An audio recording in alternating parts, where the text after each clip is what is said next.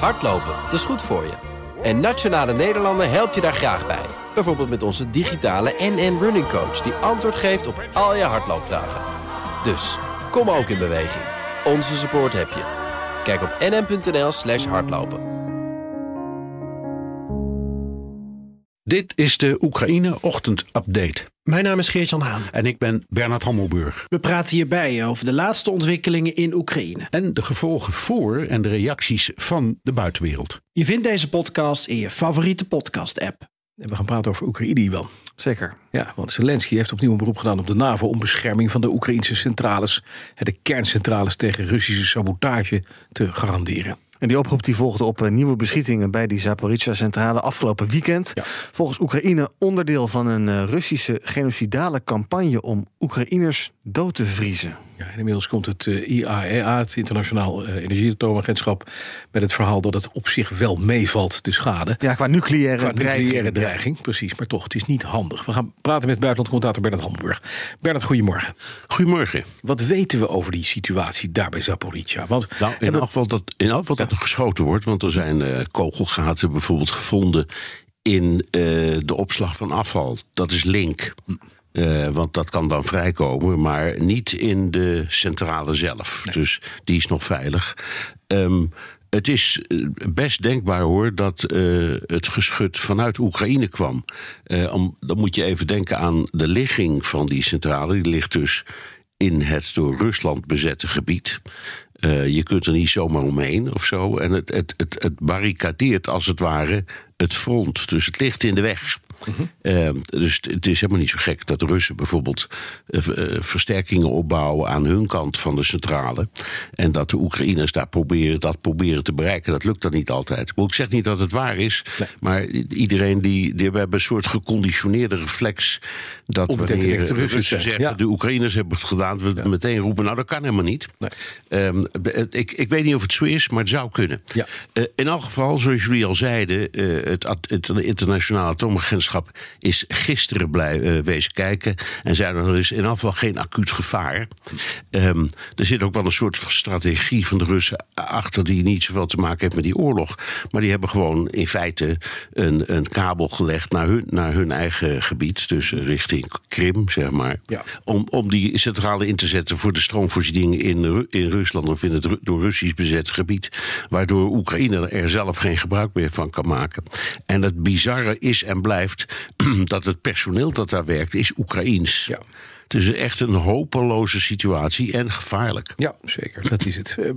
Die oproep van Zelensky die dan komt hè, aan de NAVO: van jongens, bescherm de Oekraïnse kerncentrales tegen Russische sabotage. Haalt dat wat uit? Want de NAVO-lidstaten die doen, denk ik, al vrij veel. En we hebben daar die uh, inspectieteams van de IAEA. Ja, nou, dat laatste is natuurlijk een VN-organisatie. Dus dat, is waar. dat, ja, dat heeft niet zoveel met de niet met de NAVO te maken. Nee. Met de NAVO te maken, nee. Maar ik denk dat dit gewoon, dat, dit is echt een propagandistische opmerking. De NAVO kan daar niet toeslaan, kan ook niet uh, Oekraïne op dat gebied, op, op eigen terrein, sorry, te hulp komen. Um, dus ja, slag in de lucht. Sorry, het, is, Ja. het behoort in het propagandaverhaal. Ja. Uh, het is begrijpelijk dat hij het zegt, maar de NAVO kan eenvoudig Niks mee. niks doen. Nee. Dan even naar Luhansk als machtberders. Want daar waren de Russische troepen gisteren bezig met de opbouw van allerlei defensieve posities. Ze zijn, wat we al horen, hun posities aan het versterken. Ook in die regio, hè? Ja, en um, daar is ook alle uh, aanleiding toe, omdat uh, de Oekraïners daar, net als ze in Gerson hebben gedaan, althans zoals het begon, um, uh, deuken in die verdediging proberen te slaan en echt pogingen doen om dat een stukje te heroveren. Ze hebben een klein strategisch voordeel, want um, de, het Oekraïnse gedeelte, om zo te zeggen, het is een beetje heuvelachtig, ligt hoger daar. Dus ze schieten van boven naar beneden. Mm -hmm. Dat maakt hun positie iets steviger. Maar aan de andere kant, ja, de Russen zijn zich letterlijk en figuurlijk aan het ingraven. Ja. Dus je ziet ook daar weer steeds meer dat Eerste Wereldoorlogbeeld met loopgraven en weet mm -hmm. ik wat allemaal. Um, ze zijn er nog niet doorheen hoor, door dat, uh, door dat punt, de Oekraïners. Maar het is opnieuw ook voor de Russen een punt om uh, uit te kijken. En die hebben dus heel snel versterkingen ontboden in de vorm van eh, reservisten. Maar die hebben dan weer geen training of nauwelijks training. Afijn, dat verhaal dat we ook steeds terug horen. Maar er komen dus nieuwe Russische manschappen om daar de verdediging te versterken. Dan eventjes naar een opvallend agendapunt van vandaag. Want Poetin bezoekt Armenië om het conflict met buurland Azerbeidzjan te bespreken. Dat doet hij ook echt fysiek. Het geestig is dat, uh, wij spraken Gert-Jan vanmorgen... en we hoorden dat Poetin eigenlijk alles met videoverbindingen doet. maar dit is te belangrijk om uh, niet naartoe te gaan? Ik heb het hem natuurlijk horen zeggen, ja. het, klaar blijkt dat wel, maar je moet altijd afwachten of het echt gebeurt. Hè? Ja, ja. Want het belangrijkste onder, onderdeel van, van die ontmoeting is pas morgen. Dus ja, gaat hij echt of gaat hij niet? De, de achtergrond daarvan die, die heeft niet zo vreselijk veel met de oorlog te maken. Maar um, Armenië maakt deel uit van iets dat heet uh, het, het, collectieve, de collectieve veiligheidsovereenkomstenorganisatie. Um, en daar zitten een aantal landen in. Um, Armenië, Kazachstan, Rusland, Belarus, uh, Kirgizië en Tajikistan. Die landen liggen ook voortdurend met elkaar overhoop. En Armenië is nu duidelijk aan het flirten met de Verenigde Staten. Uh, het, het, is een bondgenoot van Rusland, maar het verwijt de Russen dat ze eigenlijk helemaal niks ondernemen in die oorlog waarin ze zijn verwikkeld zelf uh, met Azerbeidzjan. Um, en, um, en, en, en dus zeggen ze openlijk: uh, eigenlijk hebben we genoeg van deelnemen aan dit clubje, aan dit bondgenootschap. Geef ons de Amerikanen maar. En Poetin is daar dus heen om te redden wat er nog te redden valt. Ja, ja dat begrijp ik. Ja. Gaat, hij dat ook, gaat hem dat ook lukken?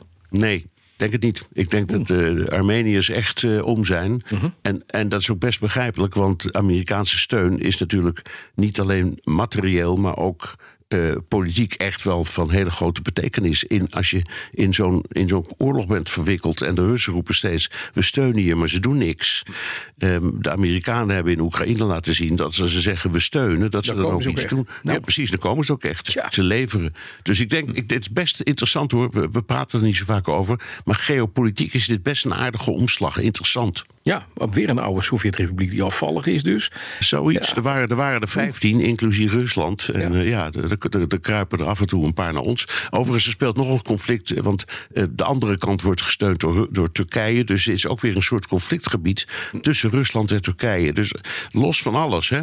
Ik begrijp best dat Poetin zegt... ik ga daar zelf eens heen om te kijken of ik orde op zaken kan stellen. Ja, ja. Maar in antwoord op je vraag, ik denk dat het hem niet lukt. Business Booster. Hey ondernemer, KPN heeft nu Business Boosters. Deals die jouw bedrijf echt vooruit helpen. Zoals nu, zakelijk tv en internet, inclusief narrowcasting... de eerste 9 maanden voor maar 30 euro per maand. Beleef het EK samen met je klanten in de hoogste kwaliteit. Kijk op kpn.com businessbooster. Business Booster.